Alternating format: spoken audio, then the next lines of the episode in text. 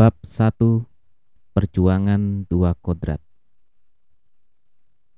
Tidak salah kalau dikatakan bahwa alam raya kita seperti gelanggang perjuangan yang tak putus-putusnya. Antara dua kodrat yang hakikatnya sederajat, kodrat negatif dan kodrat positif.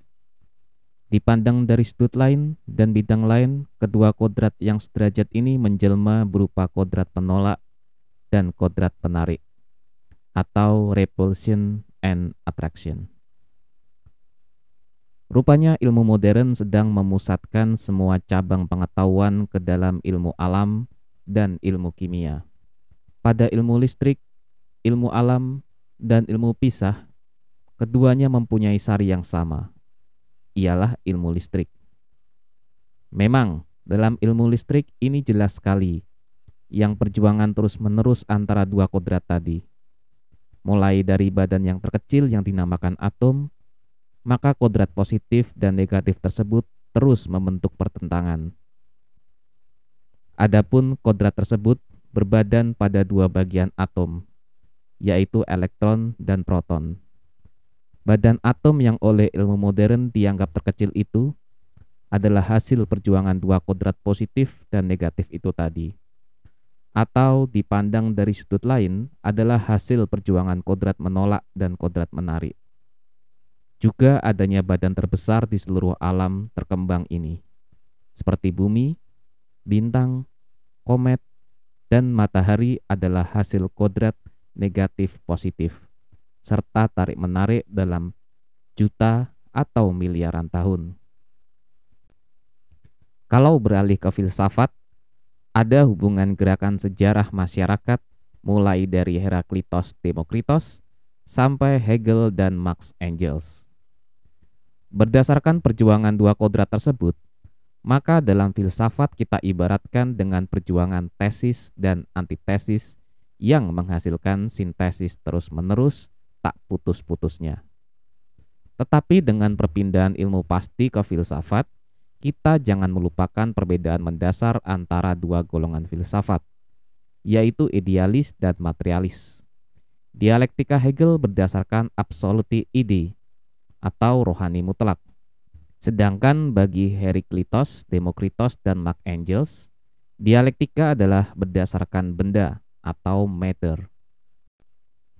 Menurut Hegel, rohani mutlak yang menggerakkan tesis dan antitesis serta menghasilkan sintesis terus-menerus.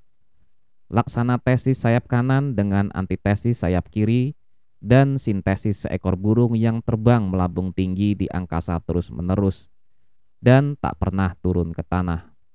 Position, ignoration, ignoration, der ignoration. Dalam ilmu alam, Heraklitos dan Demokritos tak pernah meninggalkan daratan. Hasil pemikiran kedua ahli ini di antaranya adalah hipotesis adanya molekul dan atom yang di zaman mereka tidak dapat dilihat dengan mata telanjang, tetapi sekarang dibenarkan ilmu modern melalui teropong yakni sesudah kurang lebih 2500 tahun hipotesis ini didapatkan. Saya tidak bermaksud menguraikan pandangan hidup atau Welstanschauung dalam buku ini, karena sudah diuraikan sebelumnya dalam Madilog. Pandangan di atas dikemukakan sedikit sekedar untuk mengembangkan kondisi perjuangan antara positif dan negatif, antara kodrat penolak dan kodrat menarik, antara tesis dan antitesis dalam dunia hukum. Bukan hukum dalam pengertian umum, melainkan beberapa masalah yang bersangkutan hukum. Bukan hukum mengenai seluruh masyarakat, bahkan bukan pula yang berkaitan sekelompok manusia, melainkan hukum mengenai diri penulis sendiri saja. Tegasnya, perjuangan adil dan zalim yang memakai diri dan hidup penulis sebagai medan perjuangan itu antara adil dan zalim yang bersangkutan dengan hukum yang dilakukan atas diri dan hidup ini oleh imperialisme Belanda, Amerika, dan Inggris. Akhirnya oleh Republik Indonesia yang berdasarkan ketuhanan, kemanusiaan, keadilan sosial, persatuan, dan kedaulatan ini. Perlakuan atas diri dan hidup saya tidak hanya dipandang dengan mata dan perasaan perorangan, melainkan dengan jiwa yang mengakui adanya perjuangan dan kodrat, juga yang mengakui alam raya kita. Menurut saya, golongan dalam masyarakat itu, bahkan seorang anggota pun dalam cabang penghidupan yang mana pun, juga tak dapat luput dari kekuasaan dan kodrat itu. Tesis dan antitesis. Buku ini meriwayatkan tesis dan antitesis di atas. Kulit kami.